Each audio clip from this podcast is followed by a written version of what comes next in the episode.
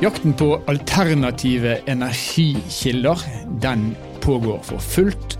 Og i Nord-Norge i dag så er det en stor satsing under oppseiling på hydrogen og på ammoniakk. Hvorfor eh, er det gunstig å gjøre dette i Nord-Norge? Hva er egentlig hydrogen og ammoniakk, og hva er det det er ment å erstatte? Det håper vi å kunne belyse litt i denne episoden av Nord-Norge i verden. Mitt navn er Stein Vidar Loftaas.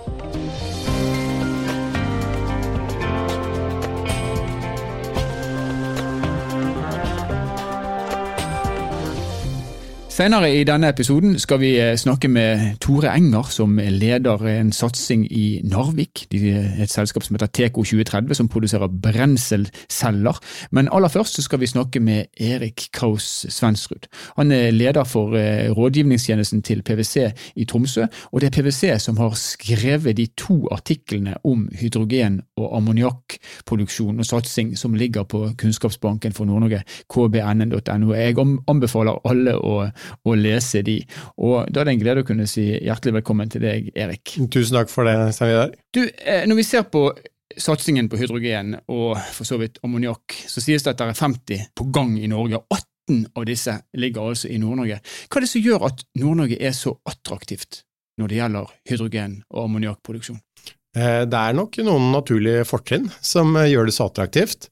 Skal man trekke fram kanskje de to viktigste, så er det den ene går på kraft og kraftoverskudd og strømpriser. Eh, hydrogenproduksjon er jo en kraftkrevende produksjon, eh, og det at man har relativt lave strømpriser gjør det lukrativt å gjøre en sånn type satsing her i Nord-Norge. Eh, det andre det er jo at vi er jo kjent til å ha en lang kystlinje og mye maritim eh, transport. Eh, og eh, hydrogen og for så vidt ammoniakk blir sett som liksom en av mulighetene for å det, få denne næringen over på lavutslipp og redusere klimagass. Og det at man da har så mye aktivitet i så nærhet, det er jo en fordel for regionen. Ja, akkurat. Og Nå har du for så vidt allerede toucha innom det, for du, du, snakker om en næring da som har store utslipp og som trenger å gjøre noe med det. Eh, og Ammoniakk og hydrogen er jo ja, Det får litt ekstra oppmerksomhet nå om dagen, og det er sikkert også litt drevet av mangelen på olje og gass som en konsekvens av krisen i Ukraina osv. Men hva er det som gjør i stort at etterspørselen etter disse produktene øker, og hva er det man bruker ammoniakk og hydrogen til? Ja, Hvis jeg skal starte med det, det siste, da, hva det man bruker det til, så er jo så begynner vi med hydrogen. Det har jo vært en skal vi si en, en, tradisjonell innsatsfaktor for flere typer industrier. Oljeraffineri, kjemisk industri, industri hvor man krever uh, høye temperaturer. Uh, og Der har man sett en jevn og stabil vekst siden midten av 70-tallet, en firedobling der. Så der, der, har det vært en eksisterende, og så kan du si firedobling siden midten av 70-tallet. Det er ikke noe eksplosivt, det er ikke i tråd med det vi ser i nyhetsbildet i dag, hvor du ser nesten oppslag hver eneste dag. Uh, men, men, man har, det er verdt å nevne, man har et eksisterende marked. Og Det samme gjelder ammoniakk. Eh, Yara, Norges tredje største, hvis vi ser på omsetning, har jo en stor produksjon av ammoniakk, og det brukes jo ta Yara-case, da, kunstgjødsel veldig mye, det brukes også som kjølemedium. Det er, det er et eksisterende marked for mm. disse produktene. Og så er det jo den eh, til kanskje det første spørsmålet, hva er det som gjør den økte etterspørselen eh, så stor nå? Eh, så tror jeg man nesten kan skru det liksom til mm, et enda steg bakover da, og si ja, det er kanskje en stor Jeg vil heller kalle det en stor satsing enn en stor etterspørsel. Eh, og hvorfor er det en stor satsing? Jo, da er det jo litt mer de der store driverne, da. Eh, du nevnte jo det, det som skjer i Ukraina nå, men eh, ser man på en annen stor driver som vi alle kjenner til, så er det jo dette som skjer på klima. Vi har satt oss strenge krav og kommet med reguleringer for å hindre klimautslipp, og da ser vi da at hydrogen og ammoniakk kan spille nøkkelrolle for å redusere disse utslippene. Eh, for et par utvalgte, eller for noen utvalgte eh, eh, områder. Og da kanskje industri og maritim transport da, som de to som jeg vil kanskje fremtrekke her. Akkurat.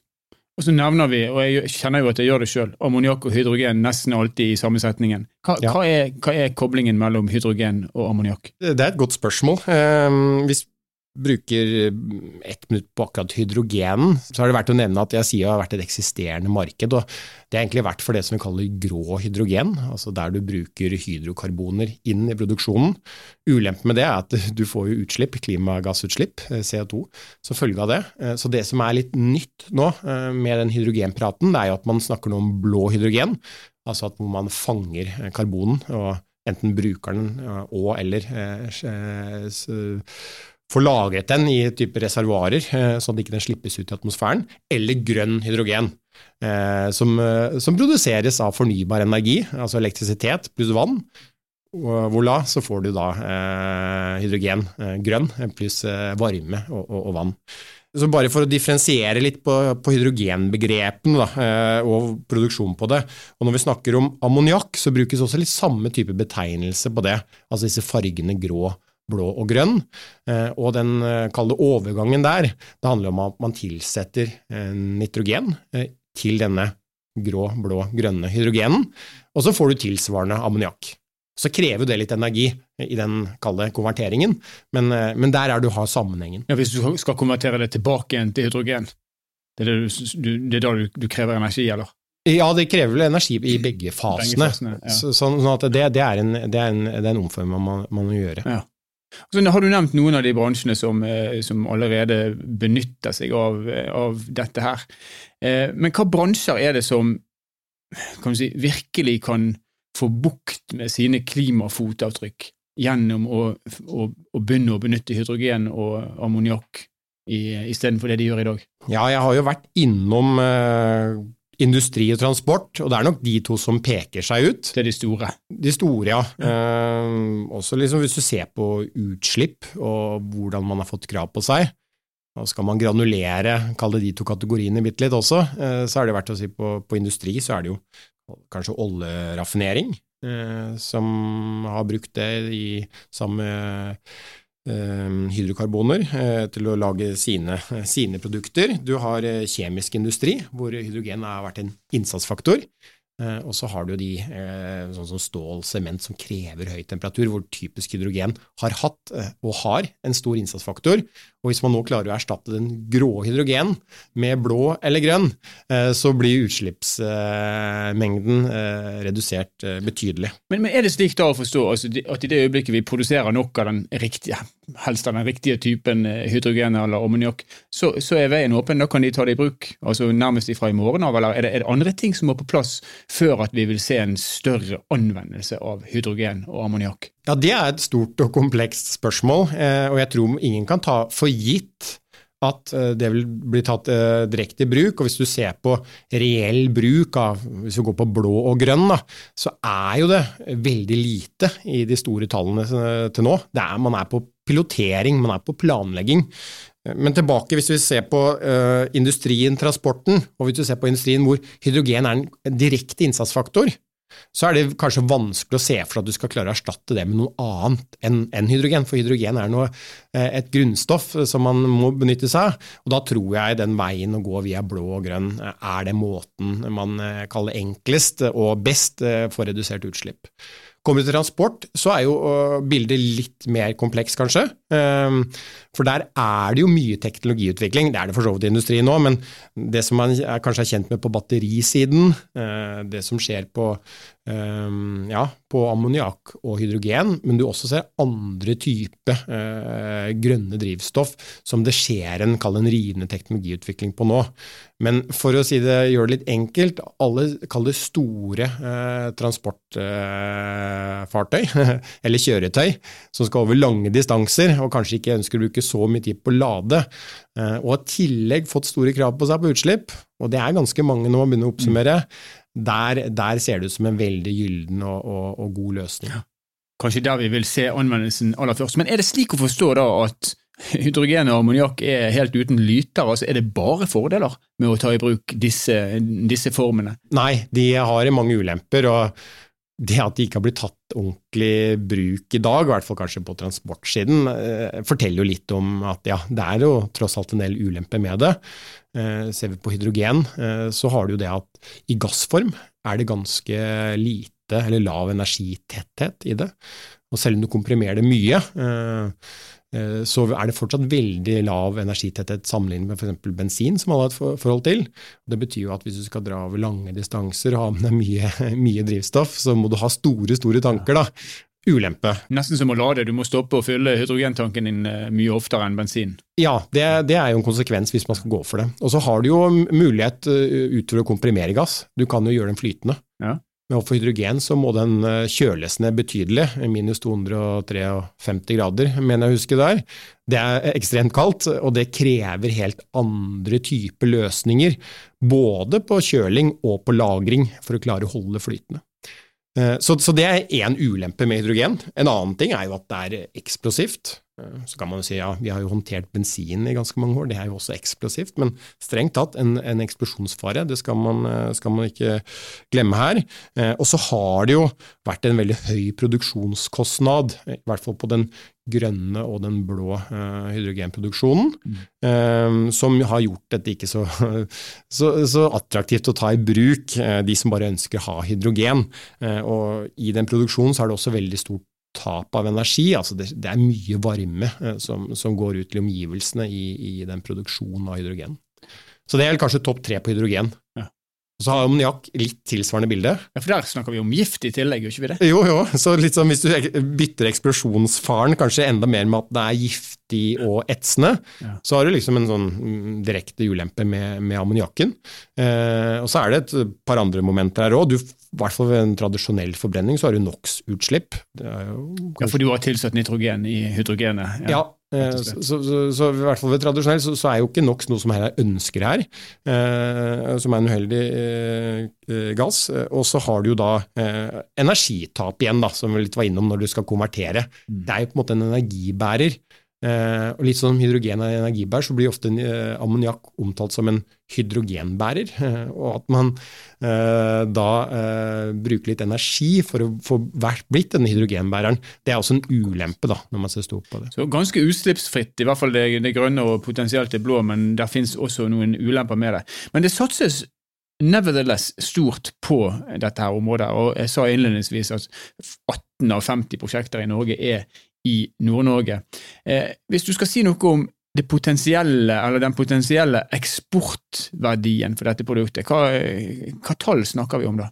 Ja, det, det, er også et uh, godt og et uh, krevende spørsmål, uh, vil jeg si. Nils Bohr sa vel at 'prediction is difficult, especially when it's about the future'.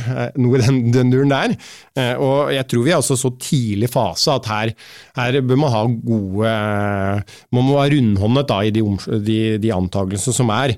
Men hvis man ser på noe av det som har blitt gjort, um, så snakker man jo om da 10 milliarder i 2030 for Norges del. Da begynner det å bli betydelig, eh, helt klart. Eh, og fram mot et sånn 2050-perspektiv, så har man noen estimater sett på at ja, kanskje det er tigangen av de ti milliardene igjen, altså da oppe i 100 milliarder.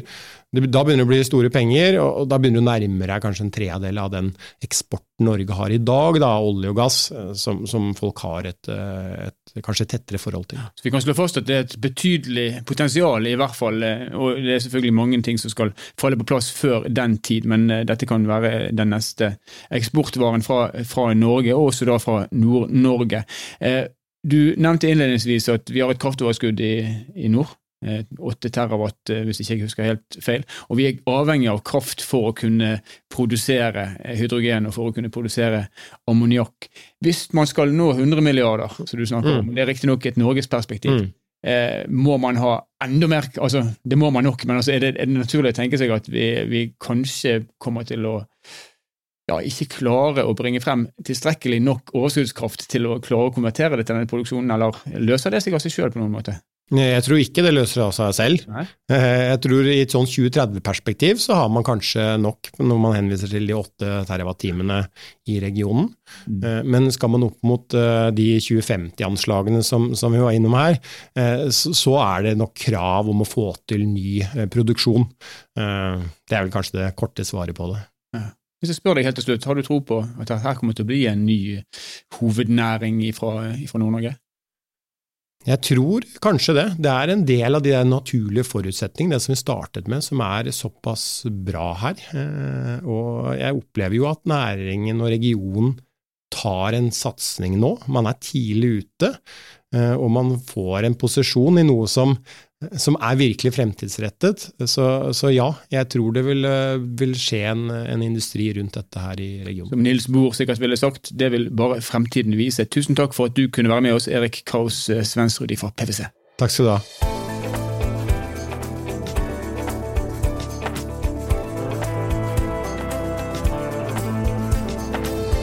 I Narvik er selskapet Teco 2030 allerede i gang med å etablere en kombinert fabrikk og innovasjonssenter for produksjon av fremtidens motor, der brenselceller omdanner hydrogen til elektrisitet. Og Nå har vi med oss eh, Tore Enger, som er CEO i Teco. Velkommen til oss, eh, Tore. Tusen takk. Du, at skal, uten at vi skal bli for teknisk, kan du forklare hvordan en brenselcelle fungerer? Ja, Det er i utgangspunktet en eh, Det fungerer jo litt som på en måte en motor, hvor, hvor hydrogen er drivstoffet, og så produserer vi elektrisitet. Jeg tror det er sånn veldig veldig enkelt å si det. Nei, og Der har du da forskjellige utgaver hvor alt begynner på i utgangspunktet en 400 kW modul, som er den vi skal på en måte produsere i Narvik. Det begynner selvfølgelig litt grann før med stacker inni modulen. Og så bygger vi den til en 400 kW-modul, som er på en måte det som er standardsystemet vårt. Og så om du da skal ha én sånn, ti sånne eller 100 sånne, så stacker man bare opp, slik at dette blir det er den vi skal produsere. Jeg skjønner. Og utslippene fra denne brenselcellen, er det da det er helt uh, ufarlig? Det er vanndamp og varm luft? Helt riktig. Det er, uh, dette er grønn hydrogen og fuelceller. er det eneste i dag som er virkelig null utslipp. Ja. Og så har vi hørt om brenselceller, for det har vært i bruk i hydrogenbiler, selv om ikke det har vært veldig mange av de. Eh, og du, du, snakker her om den skalaen dere bygger i. De brenselcellene som dere produserer, hva er det de er tenkt brukt til? Jeg tror, jeg tror ikke jeg vet at når vi satte oss ned sammen med våre utviklingspartnere og definerte markedet vårt, så var det til den maritime industrien. Det er der vi har vært i nesten 30 år, og det er der vi skal være i de neste 30. Slik at eh, vi er i dag de eneste brenselcellene, enten som er i produksjon eller under utvikling, som aldri har vært tiltenkt fire hjul. Om det er til en bil, eller en buss, eller en lastebil, eller en svær truck. Så jeg kan si at vi har utviklet for heavy industri, båtmotorer og større skipsfart. Og f.eks. gruveindustri, store øh, konstruksjonsplasser som ikke skal ha utslipp som f.eks. Implenia, som er jo den som kanskje skal ha levering av vårt produkt aller først, og som er offisiell. De bygger i dag Fornebubanen eh, i Norge. De bygger E39 pluss Follo-utbyggingen. Og de skal ha null utslipp på byggeplassene sine. Så det vil si at eh, de skal lade utstyret sitt på nattestid med bruk av våre brenselceller, og så opererer de på batteri når trøkkene går inn i fjellet. Interessant. Og Prosjektet deres i Narvik, hva, hva snakker man om i størrelse der? Altså Hvis vi snakker om hvor mye som må investeres, hvor mange arbeidsplasser dette her kommer til å skape? Nei, du kan si at Vi har sagt at uh, hvis vi tar historien kort, så har vi sagt at innen utgangen av 2022 som vi er i nå, så skal vi på en måte ha ti ansatte i Narvik for å danne fundamentet. Her i dag så er vi nå passert fem, jeg tror vi er seks, hvis ikke vi er nummer syv som holder på å skrive under i disse dager. Så vi begynner å få fundamentet vårt på plass. Og eh, i løpet av neste år så skal vi vel nærme oss en eh, 50-60 ansatte.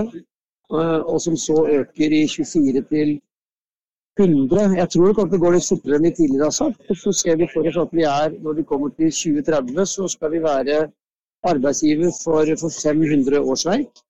Og være en produksjonsbedrift av morgendagens motor som skal ha en kapasitet på å selge produkter til en markedsverdi av det som i dag folk bruker, altså white paper, så det er ikke våre tall, det er liksom offisielle tall, hva en fuelcelle koster per kilowatt. Så skal vi bli en, skal vi bli en eh, eksportbedrift som skal kunne eksportere varer for 10 milliarder kroner i 2030. Spenstige planer. Ja. Eh, hvorfor, kan jeg spørre hvorfor dere har valgt Narvik? Ja, det er veldig enkelt. Vi, ble, øh, vi var på utsikt etter et bygg, og så fikk vi en øh, veldig hyggelig e-post fra Narvik. Øh, hvor det sto at vi ser at dere er på jakt etter fabrikk eller tomt. Vi har fabrikk, ta med kaffetrakter. Og det, og det, tror jeg på en måte det, den, den, den, meldingen var så bra at dagen etterpå så var vi på vei opp der. Og når vi da møter dette bygget som vi møtte, eh, som ble i sin tid bygget for Exolar og til den standarden vi trenger, så kunne vi ikke fått et, et bedre bygg. Og vedlikeholdt av Siva siden Grek flyttet til Singapore, det var å tørke støv av noen rør. Og det er et fantastisk lokale. Kunne ikke vært bedre. Og vi, er, vi har eliminert så mye risiko ved å få til den biten her at eh, jeg tror våre investorer og alle som jobber med oss, er veldig fornøyd med det fremoverlent av Narvik der. Jeg skulle ikke forundre meg om det var ordfører Rune Edvardsen som eh, var signaturen på det brevet, men det trenger ikke du svare på. Eh, eh, en, en, annen ting som jeg må bare spørre deg om, det er at altså, dette med å tiltrekke seg riktig kompetanse og nok kompetanse, det det har, alltid vært krevende, men det er mer krevende enn noensinne. og I Nord-Norge så har vi jo en demografisk utfordring. altså Vi, vi sliter med å få fatt i arbeidskraft. Vi har flere jobber enn vi har, enn vi har mennesker. Hva, hva gjør dere for å sikre at dere får nok kvalifisert arbeidskraft? Jeg tror at eh, etter hvert som tiden går, og hva som allerede har skjedd, så ser vi at eh, flinke folk ønsker å være med på det de mener er viktig og riktig. Vi har tiltrukket oss masse flinke folk allerede i Narvik. Og så langt så har vi ikke noen problemer med å få tak i de menneskene som vi søker etter. Vi bruker tid, fordi at disse gutta som sitter der oppe nå på daglig basis, de er veldig opptatt av å få på plass de rette menneskene for at dette blir gjort riktig fremover. Og vi er ikke sånn veldig bekymret. fordi vi skal ikke ha 500 mann i morgen, det skal gå over mange år. Og vi er, eh, men om det må gjøres enkelte grep, det, det vet vi ikke ennå. Men, men, så langt så er det en veldig samling i bunn interesse for prosjektet vårt i Narvik lokalt. Så vi føler oss veldig komfortable.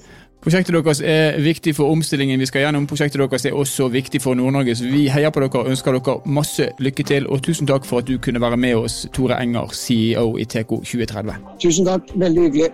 Tore Enger eh, der altså, direkte inne fra Nordshipping sin messe i Lillestrøm, og det er forklaringen på hvorfor det var en del støy i bakgrunnen. Selvfølgelig en svært viktig messe for noen som har ambisjoner om å produsere brenselceller, bl.a. for eh, shippingtrafikken. Vi eh, igjen, vi håper virkelig at dette her lykkes, og det er artig at det skjer i Nord-Norge. Og Da vet vi litt mer om hydrogen og ammoniakk, hva det kan brukes til, hvor det kan produseres og hvorfor det er gunstig å gjøre det i Nord-Norge. Vi vet at det skjer tunge satsinger da altså på alle disse tre pilarene. Eh, og det er satsinger som kommer til å bidra i den grønne omstillingen. Og kanskje blir det det neste store eksporteventyret fra Nord-Norge, hvis dette her gjøres på riktig måte. Vi krysser fingrene for det. Nord-Norge i verden er en eh, podkastserie som er produsert av Sparebank1 Nord-Norge i samarbeid med Helt Digital. Musikken du har hørt er laga av Emil Karlsen, og mitt navn er Stein Vidar Loftaas. Vi høres igjen i neste episode.